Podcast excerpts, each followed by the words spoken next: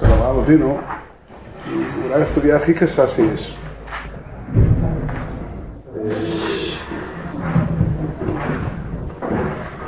ואני מקווה שנצליח אה, למצוא את הקו הנכון, את דרך האמת ואת קו הצדק. אה,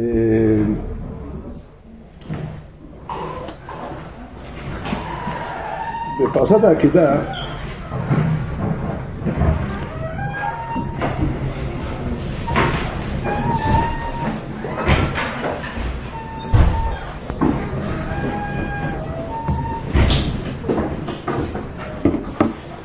כן, עוד פעם. אני, אני, רוצה, אני רוצה לפתוח סוגיה שהיא סוגיה קשה. היא באמת סוגיה קשה וצריך אה, צריך, צריך להשתדל להתגונן היטב כדי להבין אותה נכון. בפרשת העקידה קורה דבר מאוד מאוד מוזר. הקדוש ברוך הוא מגיע לאברהם אבינו ואומר לו ללכת להקריב את בנו.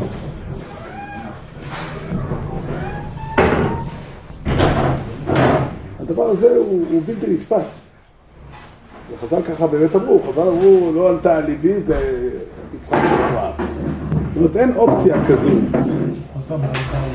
זו, הגמרא דורשת, הגמרא אומרת, הנביא אומר הפירות אה, האחרונים של ירושלים היו מקריבים, היו נוהגים את המנהג המתועב הזה, להקריב את ילדיהם לעבודת אלילים, אשר לא דיברתי ולא ציוויתי ולא עלתה על ליבי. וחז"ל דורשים על כל המקרים שזה היה, כאילו, זאת אומרת, יפתח לנו על, על, על יפתח ועל יצחק ואברהם, לא עלתה על ליבי. אין אופציה כזו. אין, לא היה, וגם כל מי שקורא את התורה מבין שלא עלתה על ליבי, שזה רק ניסיון. אבל על כל פנים, היה רגע כזה שבו אברהם אבינו שמע את הציווי להקריב את הבן שלו, והוא היה צריך לעמוד מול הציווי הזה ולהחליט מה הוא עושה. התורה מספרת שהוא אה, היה צריך להחליט לעשות את זה, והוא גם באמת ככה החליט. הדבר הזה שהתורה מזכירה אותו כראיה לתועבה של עבודת אלילים. כשהתורה רוצה להגיד כמה עובדי אלילים, כמה עבודת אלילים היא רעה, אז היא אומרת, עד, עד לשם הם הגיעו, שבניהם ובנותיהם הם הקריבו לאלילים שלהם. והנה אברהם אבינו עומד מול, מול המציאות הזו, שהקדוש ברוך הוא מצווה אותו לעשות את זה בעצמו. מה הוא צריך לחשוב באותה, באותו זמן? אני חייב לומר את האמת, השאלה הזו, אה, לא, לא, לא, לא ראינו אותה מופיעה הרבה בעולם, לפחות לא בדורות הקדומים, אצל רבותינו הראשונים. לא ברור למה, אבל השאלה הזאת לא, לא מספיק מופיעה, איך, איך, איך אברהם אבינו היה צריך לתפוס את, ה, את הדבר הזה. בדורות האחרונים, ב-200 השנה האחרונים, מצאנו כמה פעמים שדנו בזה ואמרו דברים מעניינים, והייתי אומר אפילו מוזרים. היה מי שאמר שאברהם אבינו באמת הבין מההתחלה שהוא לא צריך להקריב את יצחק. הניסיון שלו היה רק uh, לעשות את העבודה בלב שלו, כאילו הוא עושה את זה. Uh, אני מדבר על אנשים מפורסמים מאוד, לא על... Uh, זה כתוב, זה כתוב בספר נועם אלימלך, שזה הייתה העבודה של אברהם אבינו. יש מי שכתב, וזה כבר ממש לא, לא מסתדר עם, עם, עם, עם המסורת שלנו. שאברהם אבינו באמת היה יכול להיות יותר טוב ולהגיד שהוא לא רוצה, זה היה עוד יותר טוב. זה ממש מנוגד. אבל גם זה כתוב. ספרים של גדולי, אה, גדולי, גדולי החסידות מופיעים גם הדברים האלה. איש ויצי. במאה השילוח כך כתוב. אה, שהוא היה צריך להגיד הפוך. היה צריך להגיד שהוא לא... זה... בסדר. כל זה, כל זה לא יכול לעזור לנו. שאנחנו... אני ראיתי אה, מאמר של איזשהו חוקר, חרדי, שהוא... טוען שמהרמב"ם משמע שאפשר לפרש את כל העניין של העקידה שזה היה רק עם נבואה. תראה, הדבר הזה, גם, גם, גם אם זה נכון, זה לא משנה, כי המשמעות של הסיפור היא שאברהם אבינו עמד בניסיון והסכים לעשות את זה. אז אתה אומר שזה, זה לא, השאלה היא, הוא, הסיפור, הסיפור, התורה מספרת את הסיפור כסיפור אמיתי. סיפור שצריך להיות. אז אתה אומר שזה היה בחלום, אז בחלום הוא גילה את הרצון הזה. את אותו דילמה, הוא היה צריך להתמודד איתה בחלום. עד כמה שתגיד לי שחלום הוא לא רציני ואי אפשר לשאול קושיות מהחלום, אז, אז, אז, אז אין טעם לספר את הסיפור. זה דבר ראשון. דבר שני, כלל נקוט בידינו, כלל נקוט בידינו שאנחנו לא יכולים, אה, לא יכולים, לא יכולים לקחת אה, שום, כל פרשנות שהיא סותרת את, ה, את המשמעות של הקורא וכמו שהבינו אותה באמת יהודים בכל הדורות, אי אפשר, אי אפשר לבנות את החיים שלנו על, על פירוש כזה. אני גם לא חושב שהרמב"ם מתכוון לזה. לא נראה לי, אבל על כל פנים, לא זה הנושא. אה, אני, אני, אני רוצה להתמודד ברצינות עם השאלה, אני חושב שהשאלה, אולי נזכיר עוד שתי התמודדויות, או שתי ניסוחים של התמודדות נוספת. יש מי שכתב, שהפרשה הזאת באה ללמד אותנו, שהמחויבות המוסרית של האדם היא לא מספיק חזקה, היא לא חזקה כל כך. זאת אומרת שהמחויבות של אדם לציית לאלוקים היא קודמת למחויבות המוסרית, או היה מי שאמר שכל הסיבה שחייבים... אה, ל... מה? איפה זה נמצא? המשפט, הניסוח הקודם שלנו היה זה הבנתניה, והניסוח שאני אגיד עכשיו הוא ניסוח של חיים. שכל המחויבות, ל, ל, ל, כל המחויבות המוסרית נובעת מהציווי האלוקי. אלה לא דברים כתובים ברב חיים, אבל ככה אומרים. הנוסח המקובל זה שאל תגיד שהתורה אסרה רציחה בגלל שרציחה היא דבר מגונה, אלא רציחה היא דבר מגונה כי התורה אסרה אותו. זה קיים, אני אומר, אנחנו לא, אנחנו לא, אין, אין מידתנו להוציא... ש? אז עשית ישר דעתו, הרמב"ן אומר ש... נו, קושיות אפשר הרבה, אנחנו נגיד, נעסוק בהן עוד רגע בקושיות. כן, אני מסתכל על הפשט, שצריך. ש? הוא היה צריך להתייחס ולציית לציווי אלוקי, ולא, ולא, לבין המוסריות, ולא אחרת. כבר איזשהו סוג של פרשנות. אני רוצה לשאול שאלה, אני רוצה לשאול שאלה, אני רוצה לשאול את השאלה כזאת. איך, אני בעצם אשאל את השאלה בניסוח כזה, איך הבינו את הפרשה היהודים בכל הדורות כולם? האם הרמב"ן חשב, ש... כאילו, נשאל את, האם נשאל את הרמב"ן ושואל אותו, מה אברהם אבינו חשב כשהוא הולך לעשות בעקידה? שהוא הולך לעשות מעשה לא מוסרי כי אלוקים מצווה אותו? אני חושב שההבנה הזאת היא זרה לרוח היהדות באופן מוחלט. ודאי שלא. זאת אומרת, ואני רוצה קצת לפרש את הדבר הזה. אברהם אבינו היה בטוח כשהוא, בשעת מעשה, שהוא הולך להרוג את הבן שלו, הוא הולך לעקוד אותו, והוא הבין שהעקדה תצא לפועל, הוא לא, לא, קשה להגיד שלא, זה לא, לא, מסת, לא מתכוון על לדעת שזה, שהוא ידע את הסוף, והוא הבין שמשום מה, מסיבה שהוא לא יודע לפרש אותה, והוא לא יכול לדעת לפרש אותה, ואנחנו יודעים היום עד כמה זה, לא, זה היה בלתי אפשרי לפרש אותה, כי לא עלתה על ליבי, אבל הוא הבין באותה שעה שהדבר הזה הוא כן נכון. זאת אומרת, לא עלתה על ליבי בדיעבד? לא, לא עלתה ליבי, הכוונה הקדוש ברוך הוא מלכתחילה יודע, אבל אנחנו, אברהם אבינו... אין יותר מוסרי מציווי הכן. כן, אבל לא עלה על דעתו שיש פה איזושהי התנגשות בין עולם, בין ערכים מוסריים, ויש, תשמע, מוסר, בעולמות אחרים, לא בעולם של היהדות, היה מי שאמר שכשצו האלוקים מגיע, האדם עוזב את העולם המוסרי לחמש דקות, והוא חי במציאות אחרת. הרעיונות האלה הם רעיונות שלא יכולים לצמוח, הם לא מתאימים לעולם היהודי. ואני רוצה לפרש את הדברים ואני אביא לכם, אני אולי קודם אעצים את הקושייה. יש פה קושי עצום, אנחנו דיברנו על זה בשבועות האחרונים, דיברנו על אברהם אבינו ועל האמונה של אברהם אבינו. האמונה של אברהם אבינו לא, היא נשענת על זה שהאלוקים הוא מקור כל צדק. הסיבה שאברהם אבינו עובד את אלוקים הוא כי האלוקים הוא מייצג את הטוב בעולם. הקושייה היא הרבה יותר חריפה מאשר שאלנו אותה עד עכשיו. זה לא כאילו יש עולם יש מערכת כזו שבה אדם עומד מול אלוקים, והיא מערכת אחת, ויש מערכת מוסרית, והמערכת המוסרית יכולה או לא יכולה להתנגש, ומה עושים כשיש התנגשות בשתי העולמות?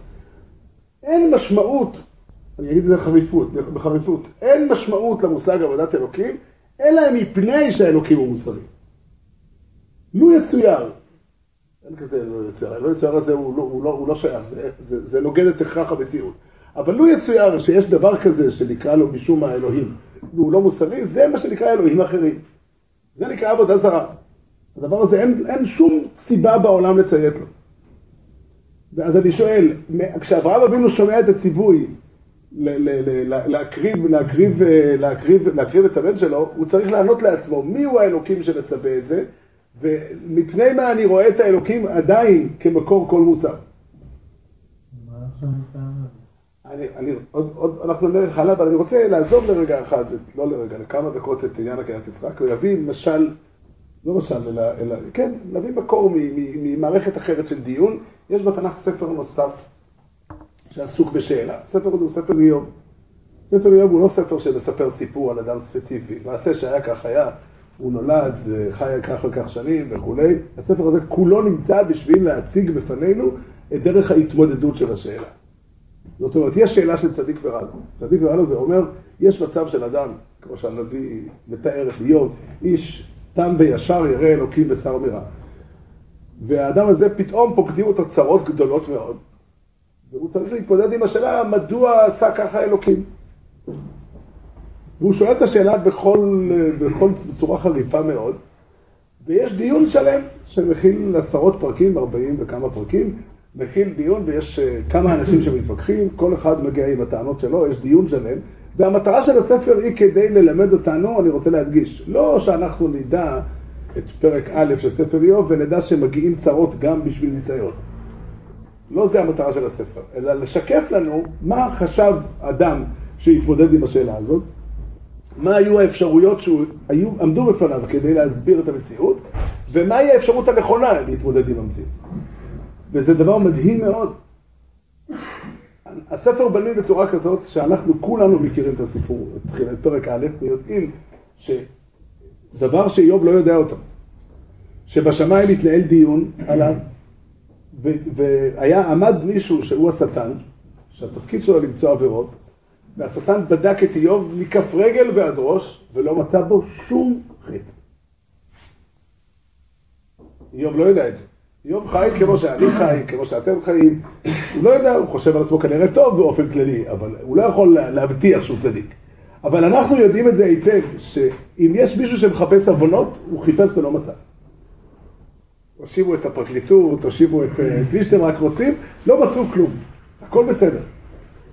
ואיוב צריך להסביר מהנקודת מבט שלו מה קרה. ובא אז הראשון שבחברים זה אליפז, הראשון והגדול שבהם, עושה רושם בספר שהוא היחידי מהחבורה כולה שהוא גם נביא, אליפז, הוא החבר הראשון שהוא גם נביא, ואליפז בא ואומר, תשמע, אני אדם עם היגיון ברזל, אלוקים לא עושה עוול, אתה סובל, כנראה אתה חוטא. צר לי, לא נעים שאני אומר את זה. עד היום חשבתי גם שאתה תם וישר ירא אלוקים ושר מרע. אפשר להאשים אותו, אם צדיק בארץ שלא יחטא. לא יחטא ולא יחטא. אומר, כן, אם, אם הוא מקבל עונש, כנראה אפשר להאשים אותו. זה היגיון ברזל של אליפז. מה אתה אומר לי, שאתה בדקת את מעשיך? כמה שבדקת את מעשיך, אתה לא חכם יותר מאלוקים, אלוקים בדק ורצה כן עוונות. המיוחד בסיפור הזה, שכשאנחנו שומעים את הוויכוח, אנחנו אומרים, רגע, אליפז צודק. זה היגיון ברזל. אחר כך מגיע צופר ואומר, יש לי רעיון אחר. אני חושב, אתה בטוח שטוב, שרע לילדים שלך שהם מתו? אולי טוב להם. ושוב, למה אני אומר את זה, אומר צופר? כי ההיגיון מכריח אותי. אני יודע שאתה צדיק, אני יודע שאלוקים לא עושה עוול, אז כנראה הוא עשה לך טובה. ואיוב עומד איתן בעמדה שלו לאורך עשרות פרקים, ויש לו טענה אחת כללית שהוא חוזר עליה. יש גם הרבה פרטים, אבל בגדול הטענה אחת שהוא חוזר עליה כל הזמן. אם אתם צודקים, שללתם ממני את הדרך לעבוד את אלוקים מחר. אם, אם, זה לא, זאת אומרת, אם אליפז היה אומר, תקשיב, אני לא יודע מה עשית בלילה. ביום הייתי על ידך, ראיתי שאתה עושה מצוות, בלילה אולי הלכת לפרוץ בנקים ולהרוג אנשים, אז זה היה סיפור אחר. אבל אתה הרי מכיר אותי, אנחנו חברים הרבה שנים.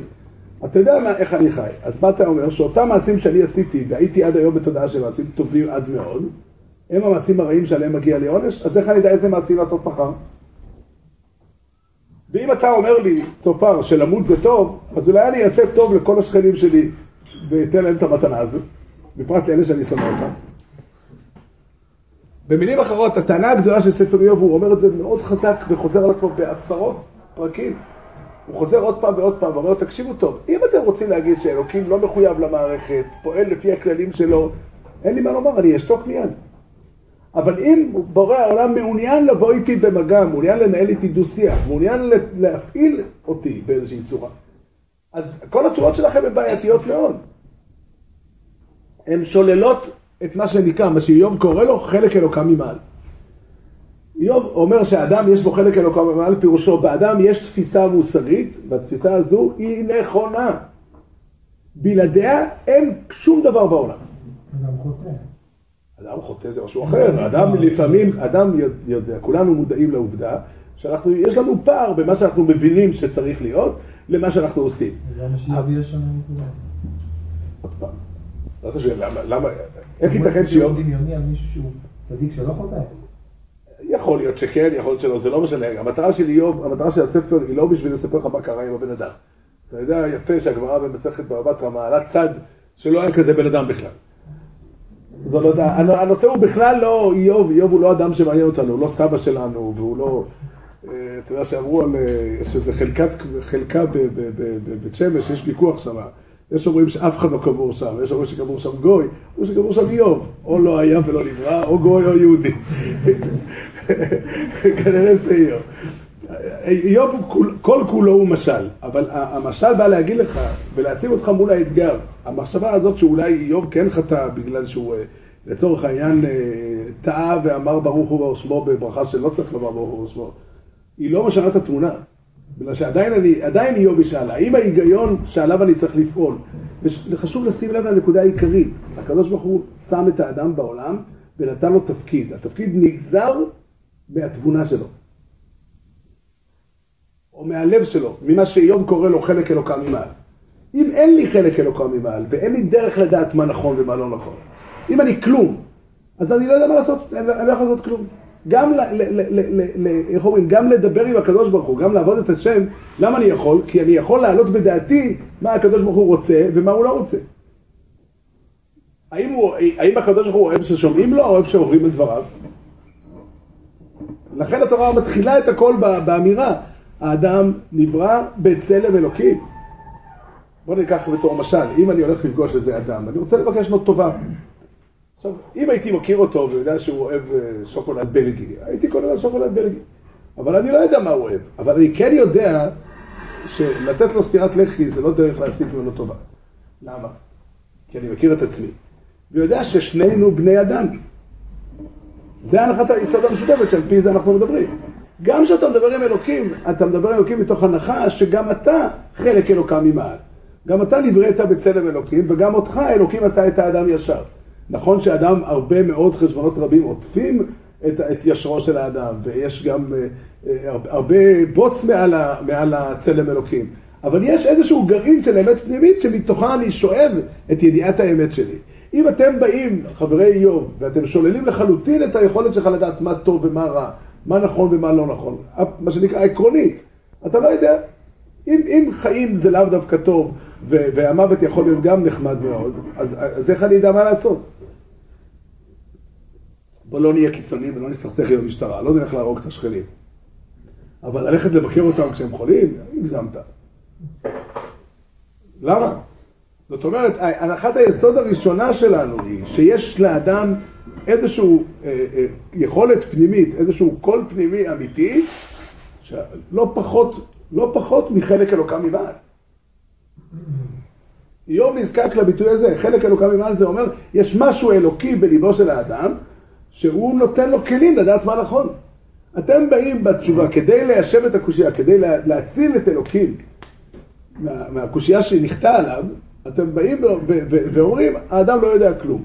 נגיד שהצלחתם להוציא את אלוקים זכאי, אבל אתם סגרתם את הדרך, אין לנו דרך להמשיך לחיות.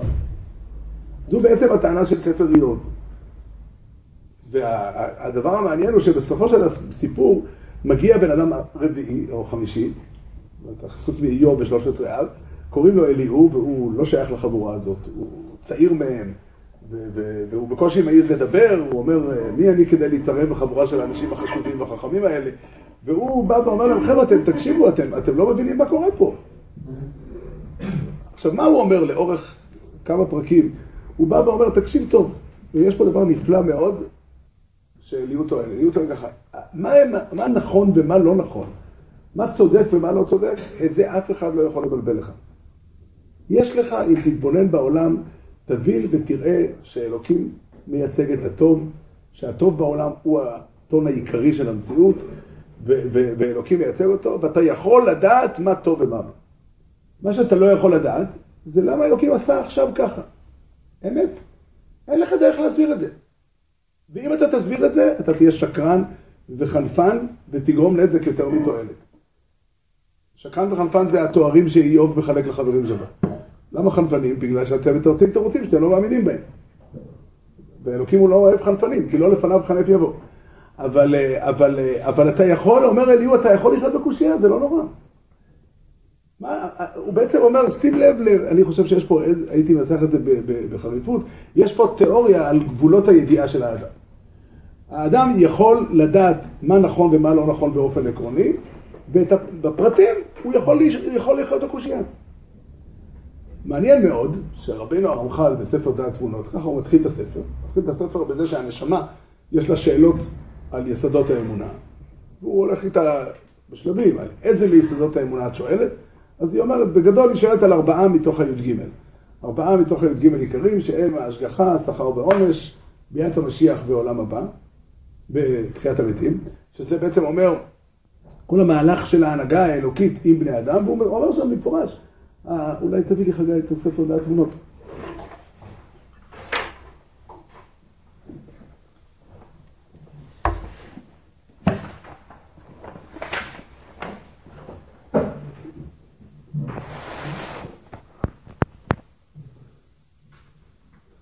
השכל, מה הוא מתקשה לך בזה? אמרה הנשמה, המסיבות הגדולות המתהפכות בעולם, בעולם המראות תמיד לכאורה הפך ההשגחה חס ושלום. כל שכן שאין הסברה רואה סוף העניינים להיכן הם מגיעים, מה רוצה האדון ברוך הוא בבריאותיו ולמה הוא מנהלם, ומה אחרית כל אלה. כי מעשה השם יתברך נראה בהם רוחב כל כך גדול, שאין שום לב מכיל אותם. והייתי רוצה, רוצה שתנדל לי דרך ישרה להבין יושר העניינים האלה מבלתי לטות ימין ושמאל. אומר לה השכל, אבל יש דברים שאי אפשר להבין אותם. אז אמרה הנשמה, הפרטים שלא אוכל להבין, הנה אניח. אך שהכללים לפחות יהיו בידי ישרים, שידע על כל פנים עצה בסברה ישרה בכל רוחב הדברים האלה. פירוש הדברים, לפי הבנתי, הוא לא רק אומר, תשמע, לא את הכל תדע, יהיו דברים שלא תדע. הכוונה היא, באופן עקרוני, התפקיד של האדם, ואדם חייב לדעת את הכללים. למה הוא חייב לדעת אותם? כי מהכללים הוא צריך לגזור את דרכי ההתנהגות שלו בחיים. מתים מהילדים, לא יכול לשים את הפרטים בצד. עוד פעם, אנחנו לא מדברים, הנושא הוא לפחות בזה, הוא ברמת השאלה. הכאב, הכאב הוא לגיטימי והוא הגיוני וצודק. לא מדברים על הכאב, ולא מדברים על הצעקה גם. איוב בא ושואל, איפה הצדק האלוקי? הוא אומר לך, אליהו, תקשיב, אתה יכול לחיות בלי לדעת. אבל למה אתה יכול לחיות בלי לדעת? שימו לב להבדל הגדול, לא בלי לדעת כלום. בלי לדעת כלום, אדם לא יכול לחיות. אם אני לא יודע שום דבר, אז אני לא יודע מה לעשות. כל מה שאני יכול לחיות, כל מה שאני יכול לעבוד, לעבוד את השם, כל מה שאני יכול לעשות טוב וישר, זה כי אני יודע מה נכון. אני יכול לגזור מתוך התבונה שבלב שלי, מתוך יושר הלב שלי, מתוך צלם אלוקים שבקרבי, אני יכול לגזור איך להתנהג. ואני יכול לדבר עם הקדוש ברוך הוא ולדעת איך לעשות את זה מתוך התבונה שיש לי בלב. ולכן לשלול את התבונה זה שלילה, זו, זו הכפירה הגדולה ביותר. לשלול את הכפירה, את התבונה לחלוטין, זו הכפירה הגדולה ביותר, בגלל שאין בסיס. אם הצלחת להביא בן אדם לתפיסה שהדעת האנושית לא מסוגלת כלום, גם זה דרך שאין ממנה מנוס, אין ממנה יציאה. כי כל דרך להסביר לבן אדם משהו זה לפנות אל ההיגיון שלו. אבל אם אתה לא פונה להיגיון שלו, אם ההיגיון שלו לא פועל, אז נגמר הסיפור. אם הצלחת לנתק את הכפתור של ההיגיון, המילה היגיון היא לא המילה המתאימה, ההיגיון במקור זה, זה סוג מסוים של חשיבה. אני מתכוון, מה שנקרא דעת אנושית, מה שנקרא שכל ישר של בן אדם. אם, אם, אם, אם הפסקת את הדבר הזה, ככה, מעניין מאוד שזה הופיע בספר שערי יושר של רב שמעון שקופ בשער A פרק א'. שם הוא מדבר על החובה המוסרית, על, על, על מה שנקרא משפטי הממון, שהם מושתתים על חובה מוסרית. ושם הוא אומר, באופן פשוט אדם יכול לשאול, חוץ ממצווה של אלוקים, מה עוד יחייב אותי לעשות? אבל האמת היא, הוא אומר, אי אפשר לשאול כזו שאלה. כי הרי גם החיוב לשמה לאלוקים מושתת על התבונה. על הכרח השכל וההכרה, זה המילים שלו. זאת אומרת, אין, אין, אם אתה לוקח מאדם את, ה, את הבסיס הזה, שנקרא היכולת שלו להבחין מה טוב ומה רע, היכולת שלו לדעת מה נכון, אין כלום. זה יותר גרוע משוטה, כי שוטה באופן עקרוני, התפיסה שלו היא תפיסה שלך. יש דברים שהוא לא יודע אותם, יש דברים שהוא מבולבל בהם. אני לא חושב ששוטה באמת מאבד את יסודות התפיסה. זאת אומרת, הנחת היסוד של התבונה הם קודש קודשים. הם הנחת היסוד של הכל. אבל האדם יכול לחיות, ואחר כך מגיע, מגיע אלוקים בעצמו בסערה אל איוב, וגם לנפעז, והוא אומר להם, תקשיבו, הרעים של איוב טעו לגמרי, איוב גם כן טעה קצת, והתשובה היא זו, התשובה היא זו, יש לך מספיק מקור כדי לדעת את הכללים. ועם הפרטים אתה יכול לא, לא לדעת אותם. יש שם פרק שלם שמקליט על כמה שאיוב לא היה ברגע הבריאה, כלומר, יש את העובדה שהקדוש ברוך הוא אינסופי ולא נוכל להיכנס לראש שלו. עוד פעם, בדיוק על זה הוא מדבר, הוא מדבר על זה שהיקף הנתונים והיקף השיקולים שעומד בפני, הקדוש ברוך הוא כשהוא פועל, יש שם גם דיבור על היקף היוצר. כן, ברור. לא, הכוונה של זה, הוא אומר, כש- היכן היית ביוסדי הארץ פירושו, אתה לא מכיר את התוכנית כולה. מבלתי אשר, מבלי אשר ימצא האדם את מעשה האלוקים מראש ועד סוף. שאמר כהן. כהן ניסח את זה במילים בצורה אחרת, גם מאוד חזק. כי האלוקים בשמיים ואתה על הארץ, על כן יהיו דבריך מעטים. אתה רוצה לחוץ משפט על מעשה האלוקים. אתה מכיר את הסיפור בקטע קטן, באת לעולם ברגע מסוים, אתה מסתכל על העולם, זה קצת דומה לאדם שמסתכל, אה, יש כזה אה, משחק כזה, שאתה רואה קטע קטן מתמונה, ואתה, את רוב התמונה אתה לא מכיר. אתה רואה קטע קטן מהתמונה, ואתה מתחיל לשאול שאלות. אבל עוד פעם, יסודות הצדק, מה צודק ומה לא, יש לך יכולת לדעת, יש לך יכולת לנשום, וזה מה שאומר אה, מורי ורבי זיכרונו לברכה, היה אומר את זה בהתרגשות שרק הוא יכל לדבר ככה. הוא אמר, מי שקורא את התיאור שאליהו מתאר את העולם כולו, את היופי של הבריאה, את, את הנועם של הבריאה, הוא מבין שאלוקי היופי, החיים, השמחה, האנרגיה והטוב לא עושה עוול. עכשיו, מה הצידוק שלו? למה זה היה צודק להרוג את הילדים של איוב? אתה לא יודע. ואתה יכול לחיות עם קושייה. זה בעצם הנקודה. הנקודה היא שהאדם יכול לדעת, שהכל... אם, אם אתה משוכנע ומספיק מבין את. את העיקרון, אתה יכול לחיות בלי לדעת את הפרטים. יש פה הרבה מעבר ל... ל... ל... ל... ל... אליהו לא בא להרגיע את איוב. אליהו מציב פה תפיסה, מה האדם חייב לדעת, ובלעדיו אי אפשר. בלי הידיעה הזאת אי אפשר לחיות, אי אפשר להתקיים ואי אפשר לכונן תורה ועבודת השם, ומה אדם יכול להיות פטור מלדעת. זה כמעט אלה המילים, אתה פטור מלדעת, זה בסדר. מותר לך להירגע ולהגיד, אני לא יודע למה. עכשיו, עוד פעם, אין, אין, אין בכלל קשר, אה, לא, אין קשר, אבל אנחנו לא מדברים על הכאב, הכאב הוא סיפור אחר. בלי ספק אה, דברים כואבים, אבל אדם יכול לכאוב מאוד, ויחד עם זה להגיד, ברוך דיין האמת. וזו לא הכוונה היא שאני יודע ומבין מה הסיבה שהקדוש ברוך הוא עשה ככה. אלא אני מבין שאין קושי בעובדה שאני לא יודע להסביר את זה, וזה לא קושייה. זה לא קושייה. עכשיו, אני חושב שספר איוב בא להגיד שלעולם בני אדם יעמדו מול אירועים מסוימים שקורים בעולם, והם יעמדו ויגידו, אין לנו דרך בכלים שלנו, בנתונים שלנו, להסביר את מה שקרה. והניסיון להסביר את הדברים בנתונים שלנו, לפעמים זה הולך. יש דברים שאתה יכול למצוא הסבר, אין לנו התנגדות. אם התירוץ הוא יפה וטוב, והוא הוא, הוא, הוא, הוא מתחבר ומתאים לת- לתפיסה האנושית שלך, מצוין, אין סיבה, לחיות, אין סיבה להוסיף קושיות. אתה יכול לחיות גם ככה, זה טוב מאוד. אבל אם, בהרבה מאוד מקרים, לתרץ את התירוץ, מה שנקרא התירוץ של החטינצה, תירוץ של, אתה יודע מה, כמו, כמו התירוץ של אליפז, כנראה שהיה פה חטא כזה וכזה, כנראה שהשואה יצאה לפועל כי יהודים דיברו בבית הכנסת. יש כזה אה, כרוז שאומר את זה בכמה בתי כנסת. המחשבה הזאת היא בעצם אומרת, אני עכשיו אה, מצאתי את התשובה ואני מבין מהם הכללים. מהם הכללים, מתי נגמר החיוב שלי לחבר שלי. אם הוא מתחיל לדבר בבית הכנסת, אין לי כל חיוב אליו. אני יכול לגנוב אותו, יכול לרמות אותו, יכול הכל, למה לא? אפשר כבר היה להרוג אותו. זאת אומרת, במילים אחרות, צריך מאוד מאוד להיזהר ממתי התירוצים שלך בעצם מעוותים את תפיסות היסוד. אבל מה שכן נכון, שזה שאתה לא יודע מהם השיקולים, זה באמת לא קושייה. האלוקים בשמיים ואתה על הארץ, אלוקים יודע הרבה יותר ממך, ולא צריך להיות ענב גדול בשביל להבין את זה. מה יש קשר? השיקולים חלק מלהבין את דרכם ומסרת אל השם, לא? אני גם אמרתי שאם הייתי יודע את השיקולים הייתי יכול ללמוד מהם עוד דברים. אבל אני גם יכול לחיות עם העובדה שכמות, שהשיקולים הם לא ידועים לי. לא ידוע לי למה הדבר הזה הוא נכון. אני חושב, אני חושב שהתפיסה, הדרך היחידה, ש, ש, ואני, אני, אני, אני, נראה לי שאני מייצג את, ה, את התפיסה הרגילה, איך שיהודים הבינו בכל הדורות את פרשת עקדת יצחק, הם כך הבינו אותה. אברהם אבינו הבין גם תוך כדי העקדה שבורא העולם מייצג את הטוב המוחלט. גם תוך כדי העקדה הם הבינו שאברהם אבינו הבין שאלוקים חפץ בחסד, צדקה ומשפט, והוא מלך חפץ בחיים. יחד עם זה, הוא ידע ולא היה לו דרך להתווכח עם העובדה הזאת, שאלוקים מצווה אותו לעשות את המעשה המוזר הזה, שבדרך כלל הוא בלתי אפשרי. ואברהם אבינו יודע שאין לו שום דרך ליישב את הקושייה הזאת. הוא לא יודע.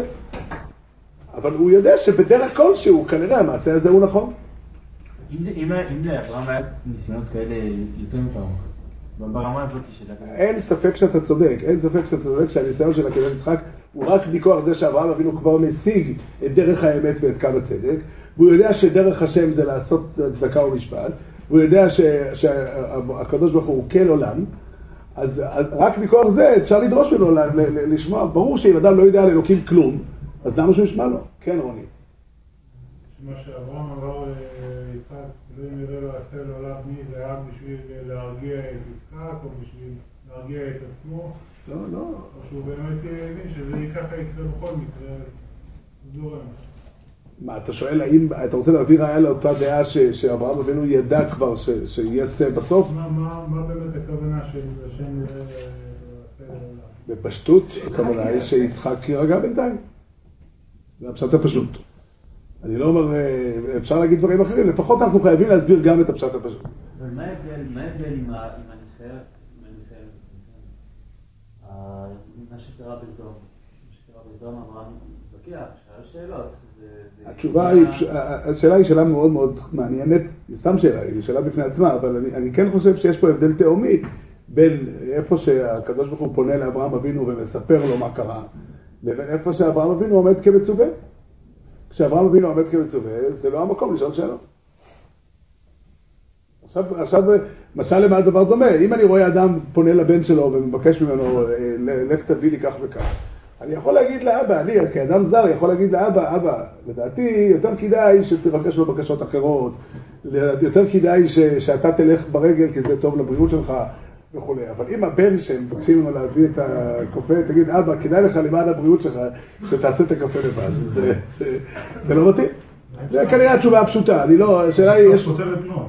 מה? לא, כי נוח לא מדובר על, ה- על, על לבנות התיבה, מדובר על, על, על השאלה מה קורה עם האנושות. אבל, אבל נניח, זה, לא, זה, זה שאלה מעניינת, אני רוצה אבל לה- להמשיך הלאה ולומר, מה שנדרש מאברהם אבינו זה להחזיק את החבל לא משתי קצוותיו אלא מעשר קצוותיו. ואני אנסה לפרש את דבריי. זאת אומרת, אברהם אבינו היה צריך להבין, והוא הבין לגמרי, שמה שמתבקש ממנו בקורבן הזה, שונה לחלוטין מכל מה שהוא מכיר. ואנחנו רואים את זה שהוא יודע את זה. הוא יודע שהקורבן הזה שונה לגמרי מכל קורבן אפשרי, לא מצאנו בשום מקום בתורה שמקריבים קורבן ששוחטים אותו על גבי המזבח. וזה לא פרט. אני חושב שהסיבה שלא שוחטים על גבי המזבח היא, היא, היא, היא קל וחומר. אם אסור להעלות ברזל על גבי המזבח, כי המזבח נועד להאריך ימיו של אדם, וה, והברזל מקצר ימיו של אדם, אז ודאי שאסור לשחוט על גבי המזבח. עד כדי כך ששחיטה היא לא עבודה בכלל. אבל האם מישהו יכול להגיד על המזבח שאברהם אבינו בונה שהוא נועד להאריך ימיו של אדם? זו הסיבה שאברהם אבינו שוחט על גבי המזבח. אנחנו יודעים, וזה כתוב בספרי בצורה ברורה, שאין בכל הקורבנות כולם, בשום מקום לא מוזכר קורבן בשם אלוקים, או כל, או שקי, או צבקות, רק בשם הוויה. זאת אומרת, במילים אחרות, רק במידת הרחמים יש קורבן. הקורבן לא נמצא אף פעם במקום שהקדוש ברוך הוא רוצה אותו, אלא רק במובן שהקדוש ברוך הוא נותן לך רק במידת הרחמים. קורבן במידת הדין זה, זה, זה, זה, זה בלתי אפשרי. ובפרשת עקדת יצחק היא לגמרי במידת הדין. האלוקים, איפה מופיע שם הוויה בפרשה? שהמלאך מגיע ואומר לו, אל תשלח ידך אל הנער. אבל הקורבן עצמו, עד כמה שהוא היה קורבן, הוא קורבן בשם אלוקים. זה דבר אחד שנדרש מאברהם, להבין עד כמה הקורבן, לצורך העניין, להביא את זה בתור משל. היה ניגש אליו בדרך אדם שעובד עבודת אלילים, ומקריב את הבן שלו למולך. מה אברהם אבינו היה אומר לו? אתה השתגעת? איזה מין אלוהים יש לך שרוצה קורבנות אדם? באותו פתוס, כמו שהוא אמר את זה לפני שנה.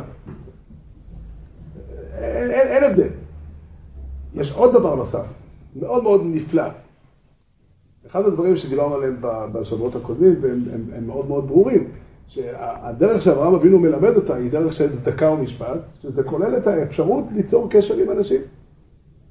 אברהם אבינו אה, אה, מכניס אורחים, להכניס אורחים אין פירושו רק לעזור להם ולתת להם אוכל, אלא לפתוח את הדלת שלך באמת, להכניס אדם זר לתוך הבית שלך. זה, זה חלק מהמסרים, היכולת של אברהם אבינו, וזה שתי ביטויים, שני ביטויים, שהם מאוד מאוד בולטים ומאוד ייחודיים, והם מופיעים שניהם בפרשת עקדת יצחק. הביטוי האחד הוא הנני, והביטוי השני הוא יחדיו. שני הביטויים שהם מציירים לנו מיהו אברהם אבינו באמת. באופן כללי, זאת אומרת, הביטוי הנני הוא מאוד חזק, אין לו כמעט, אה, קשה, קשה לפרש אותו. הביטוי הנני פירושו, אני נמצא פה בשבילך. אני נענה לך לגמרי. ואברהם אבינו עונה את זה לאלוקים, הוא עונה את זה ליצחק. לא סתם בחיים, אלא עונה את זה ליצחק בש"ס מייסר. כל אחד מאיתנו, כל אחד מאיתנו טעם רגעים כאלה, שיש לו איזשהם מחשבות, לא חייב להיות דווקא מחשבות של לעשות עוול, אבל מחשבות של לצורך העניין לעזוב חברותה. לא החלטת עוד.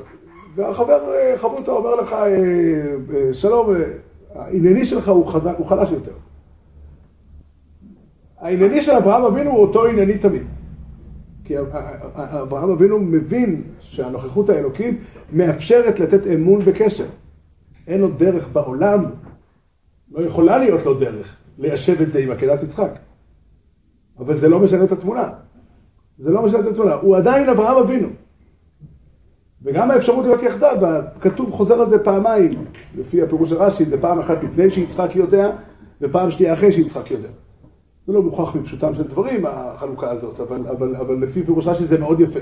זאת אומרת, זה שאברהם אבינו, אה, אה, יש פער עצום בתפיסה שלהם ביחס למה שהולך לקרות בשלב הראשון. יצחק לא יודע שהולך להיות עקדה, והוא שואל, היעשה לעולה, ואברהם אבינו מתכנן משהו. ועדי, ועדיין הם יחדיו, וגם אחרי שיצחק יודע, לא, לא השתנה כלום, וילכו שניהם יחדיו. למה? כי הם שניהם יודעים, או אברהם אבינו לפחות יודע לגמרי מה הקדוש ברוך הוא רוצה באמת, מה, מה פירוש המושג נוכחות אלוקית, וזה לא סותר. אבל השיא, זה דבר מעניין מאוד, זה, זה, הדבר הזה פתאום קפץ לראשי בראש השנה אחד לפני שנתיים, אני חושב, ו, ונדהמתי לראות אותו, וזה סתם ממש מדהים לראות איך אפשר לקרוא פרשה, לא יודע כמה פעמים, ספרתי כמה שנים אני שומע קריאת התורה, גם בראש השנה וגם בפרשת וירא, ולא שמתי לב לדבר המעניין הזה. אבל הפסוק האחרון בפרשת העקידה אומר ככה, וישב אברהם אל נעריו, ויקומו וילכו יחדיו אל באר שבע, וישב אברהם בבאר שבע. ופתאום אני שם לב, איפה נעלם פה יצחק?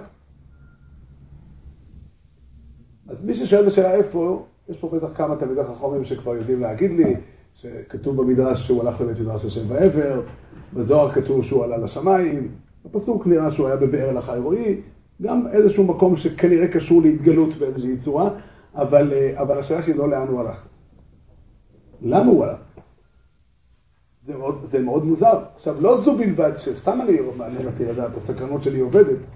מה קרה? נראה שפסוק י"ט כמעט בא לומר רק את זה שיצחק אבינו לא חזר מהקדם.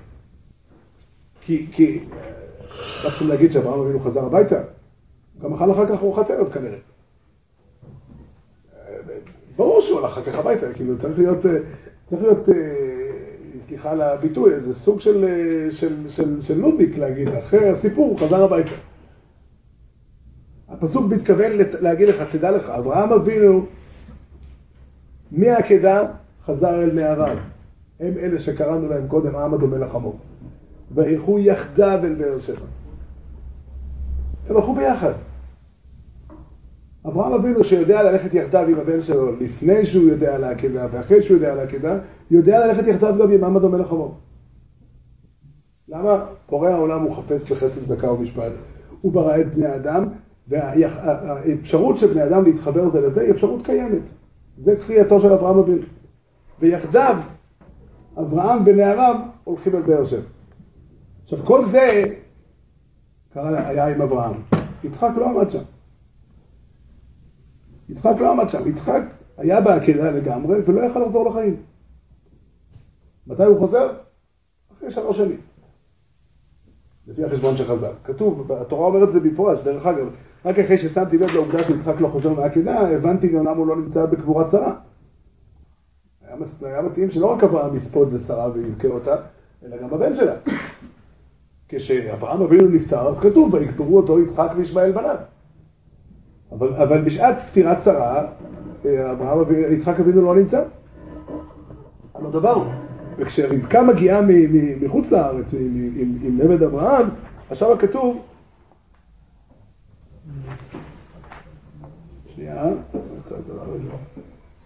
ויצחק בא מבו באר לחי רואים. זאת אומרת, יצחק חזר עכשיו, והוא יושב בארץ הנגב. יצחק עבר עכשיו, אני לא חושב שעכשיו הכוונה היא באותו רגע, אלא בשלב הזה של הסיפור, יצחק עוזב את באר לחי רואים וחוזר לגור בארץ הנגב על יד אברהם אבינו, ושמה, ושמה, ושמה, ושמה הוא מקבל את, את, את, את רבקה אשתו. זאת אומרת, יש פה, החידוש של אברהם אבינו, או שלמות העמידה בניסיון שלו, היא לא רק שהוא האמין לגמרי שאלוקים מצווה אותו, וזה כנראה טוב באיזושהי צורה, אינני יודע, הוא לא יודע להסביר איך, אלא ששום דבר בתפיסה שלו של הטוב האלוקי לא השתנה.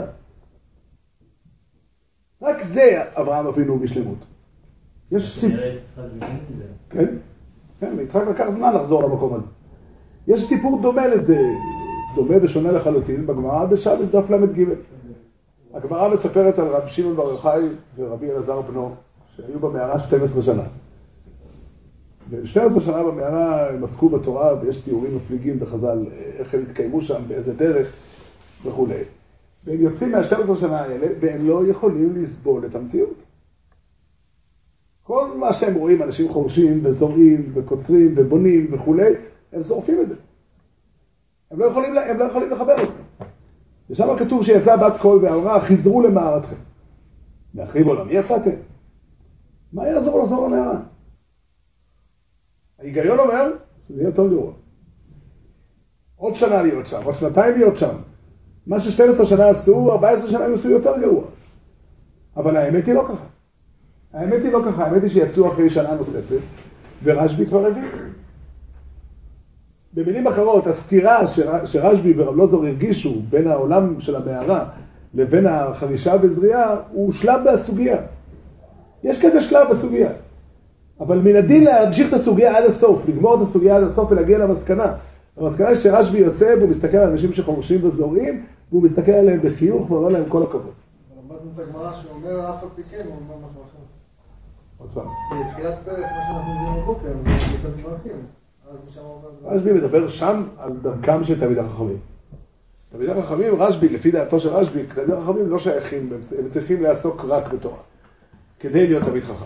רשב"י עצמו במנחות דף צדיק ט' אומר שהתורה חייבה בן אדם לעסוק, לקרוא קריאת שמע שחרית וערבית ותו לא. כל היתר הוא רשות. יש שם דעה אחרת, אבל, אבל, אבל רשב"י עצמו ככה סבור. כן, כן, כן, כן. דיברנו על זה כבר פעם, על הסוגיה הזאת. אבל, אבל שם בגמרא ממשיך להיות שכל איכא דמחי רב לוזור, רב שמעון מסי. רב לוזור עדיין לא הגיע, לא סיים את הסוגיה עדיין. השנה היה צריך להשאיר אותו עוד חודשיים שם, עוד, עוד שנתיים, לא יודע כמה זמן. אבל רשב"י כבר יצא וגם סיים את הסוגיה, וכל, זה בסדר, כל מה שרב לוזור מכה, רב שמעון מרפא.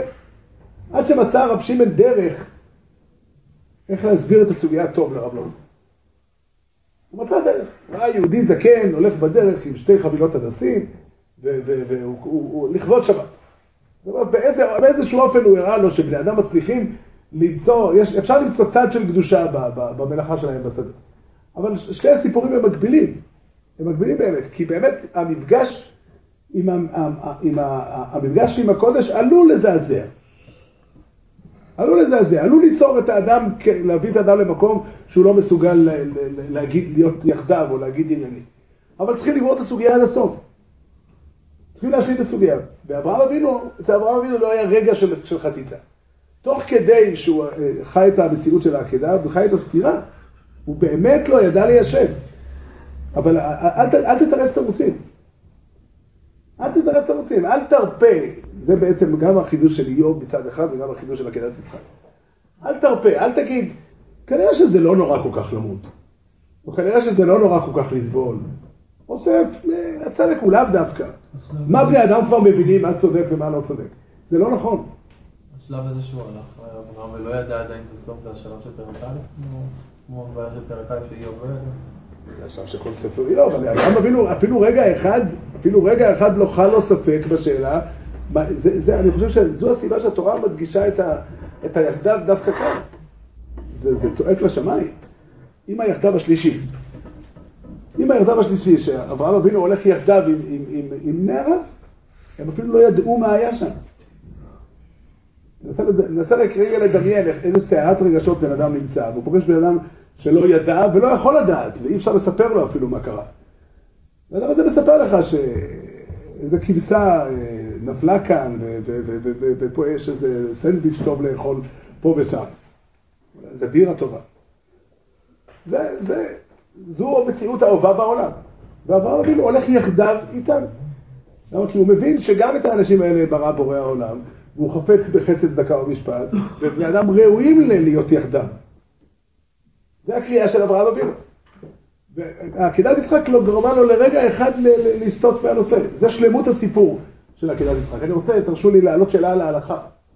לא הלכה למעשה, לא, לא של השכיחה, אבל היא בכל אופן שאלה הלכתית. הדין הוא של נביא שמוחזק בנביאות, שבא ואמר לעבור על מצווה ממצוות התורה. כל מצווה ממצוות התורה, בתור הוראת שעה, שומעים לו.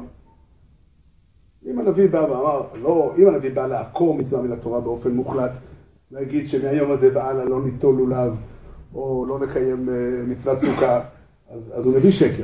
אבל אם הוא אמר, היום, השנה הזו לא נקיים מצוות סוכה, או השבת הזו לא נשמור שבת. אה, אליהו בהר הכרמל. אליהו בהר הכרמל הורה להם לשחוט שחוטי חוץ. זה- דבר שהוא איסור שחייבים עליו כרת. חוץ מאיסור עבודה זרה. זה דין פשוט.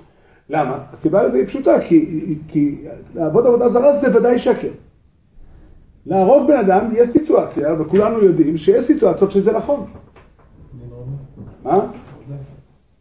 רודף, כן, אחת הדוגמאות, הדוגמה שזכתה לפרסום רב. אבל, אבל, אבל כן, כל, אני חושב שכל אדם בעולם מבין שיש סיטואציות שבהן צריכים להרוג אנשים. יש כאלה סיטואציות, כך שאין אין הכרח שהנביא הוא נביא שקר. וכיוון שהוא מוחזק כנביא אמת, יכול להיות שהציבור שלו הוא אמיתי. חוץ מאיסור עבודה זרה. עכשיו אני רוצה לשאול לדין השאלה. ילמדונו רבותינו, מה יהיה הדין אם, בן, אם הנביא בא ואומר לאדם להקריב קורבן אדם? לא להרוג את פלוני, שזה ברור ששומעים לנביא, אלא להקריב קורבן אדם. זה משהו אחר לגמרי.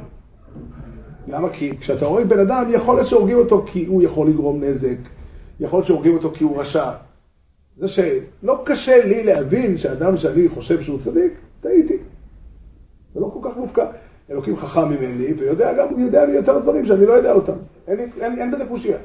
אבל כאשר אלוקים, מבק... אם אלוקים מבקש ככה, הנביא הזה בא ואומר שאלוקים מבקש שנקריב לו קורבן אדם, זאת אומרת שהוא לא רשע. שהוא חפץ בקורבן אדם, שאלוקים באמת הוא מלך לא חפץ בחיים. לי נראה פשוט שזה בכלל בסוגיה של עבודה זרה ולא שומעים לנביא. אבל אין לי ראיה ברורה לזה, אבל אני, אני מסברה נראה לי פשוט. זאת אומרת, הנידון פה הוא לא נידון מה מותר ומה אסור, אלא מי הוא אלוקים. הסוגיה של הקדמת יצחק יכלה להיות רק... איך זה? כי, כי הוא לא, אני, כשנביא בא ואומר לי, אני טוען שהוא נביא שקר. אבל אברהם אבינו לא יכול להגיד שהוא נביא שקר. זו שאלה אמיתית. הגמרא שואלת את השאלה הזאת בסנהדרין. אה, הגמרא שואלת את השאלה בסנהדרין. אני לא יודע תשובה. איך השנה הגמרא הגמרא שואלת שיצחק בן אברהם למה הוא אבן. לא, הגמרא אומרת שזה לפני מתן תורה. זה ראייה, אמרנו. מה? זה השאלה של הגמרא, יש ראייה. שמה, שאני צודק בקושייה. אפשר להביא את זה כראיה. אני רק מציג את זה כשאלה. אה, לא יודע, אבל העובדה שאלוקים התגלה לאברהם, מצד שני קשור יש- בשנה לא, אבל אנחנו יודעים, על זה חז"ל אמרו לך שלא עלתה על ליבי, זה ניסיון. אז גם עכשיו, אבל אחרי שאני כבר יודע, זה כבר לא ניסיון. אם אני אפרש את הפירוש הזה לנביא הזה, אז זה לא ניסיון. אוקיי, אבל אני לא התכוונתי לדון בשאלה למה יעשה, ואם אם- אם יקרה למישהו דבר כזה, תשאלו רב מוסמך. אני, העיקר מה שאני מתכוון להצ- להצביע על הנושא. השאלה של הגנת יצחק היא לא רק שאלה, היא לא רק שאלה מה מותר ומה אסור, אלא היא שאלה מי הוא האלוקים. זה הסוגיה של יצחק, זה, זה הניסיון שאברהם אבינו עומד בפניו. להיות אמונה שלמה פירושו להבין לגמרי שאלוקים הוא מקור החסד והצדקה והמשפט, ואין אופציה שהוא מצווה לעוול. זה מה שנותן לו את היכולת מצד אחד להחליט לשמוע בכל אלוקים ולה, ולעשות את הדבר הזה, ויחד עם זה לא לשנות כלום בתפיסה שלך. לא לשנות כלום בתפיסה שלך, לדעת שעדיין האלוקים מבקש ממך שתהיה יחדיו, שתהיה ענייני. זה השלמות של, של, של עקדת יצחק. שבורא העולם יעזור לנו, שנזכה תמיד ללמוד תורה באמת ולהבין אותה, אני מקווה. שהדברים שלנו הם נכונים.